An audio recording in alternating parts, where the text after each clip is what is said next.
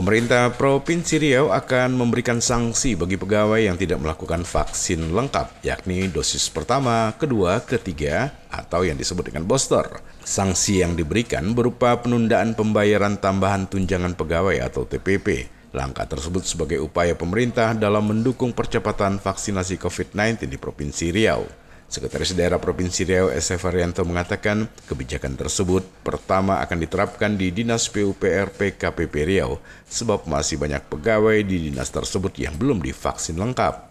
Lebih lanjut kepada wartawan SF Arianto mengatakan pihaknya akan segera melaporkan kondisi ini kepada gubernur.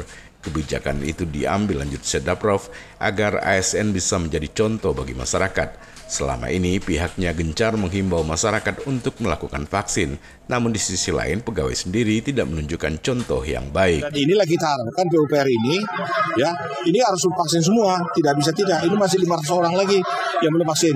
Jadi kita harapkan nanti hari Kamis semua harus divaksin. Vaksin satu, ada vaksin dua dan vaksin tiga. Kalau tidak mau melaksanakan, kita beri sanksi. Sanksinya TPP tidak dibayarkan, ditunda ditahan sampai dia vaksin. Sampai divaksin. Jadi ini upaya kita. Jadi perlu tekanan juga kepada kawan-kawan ini. Ya, tidak ada alasan. Kalau memang tidak bisa itu ya. harus menunjukkan surat dari dokter.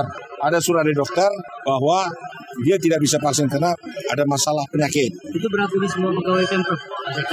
Nanti kita harapkan nanti ke sana nanti. Nanti kita lapor gubernur. Tapi untuk PUPR kita pastikan bahwa seluruhnya bagi siapa yang belum vaksin semua TPP akan kita tahan. Vaksin lengkap berarti ya? Harus lengkap, harus lengkap. Satu, dua, tiga. Sementara kita minta masyarakat harus tekan. Sementara kita pemprov tidak menunjukkan gitu loh. Nah, tidak kooperatif. Jadi kita minta ada, perlu tekanan-tekanan juga. Karena sudah berbulan-bulan, sudah setahun ya. Tapi ini juga tidak ada kreatif. Ya kita paksa juga hari ini. Bisa dikawal oleh Pak Iwan sama Pak Jenam. Prima Erma, Tim Liputan Barabas melaporkan.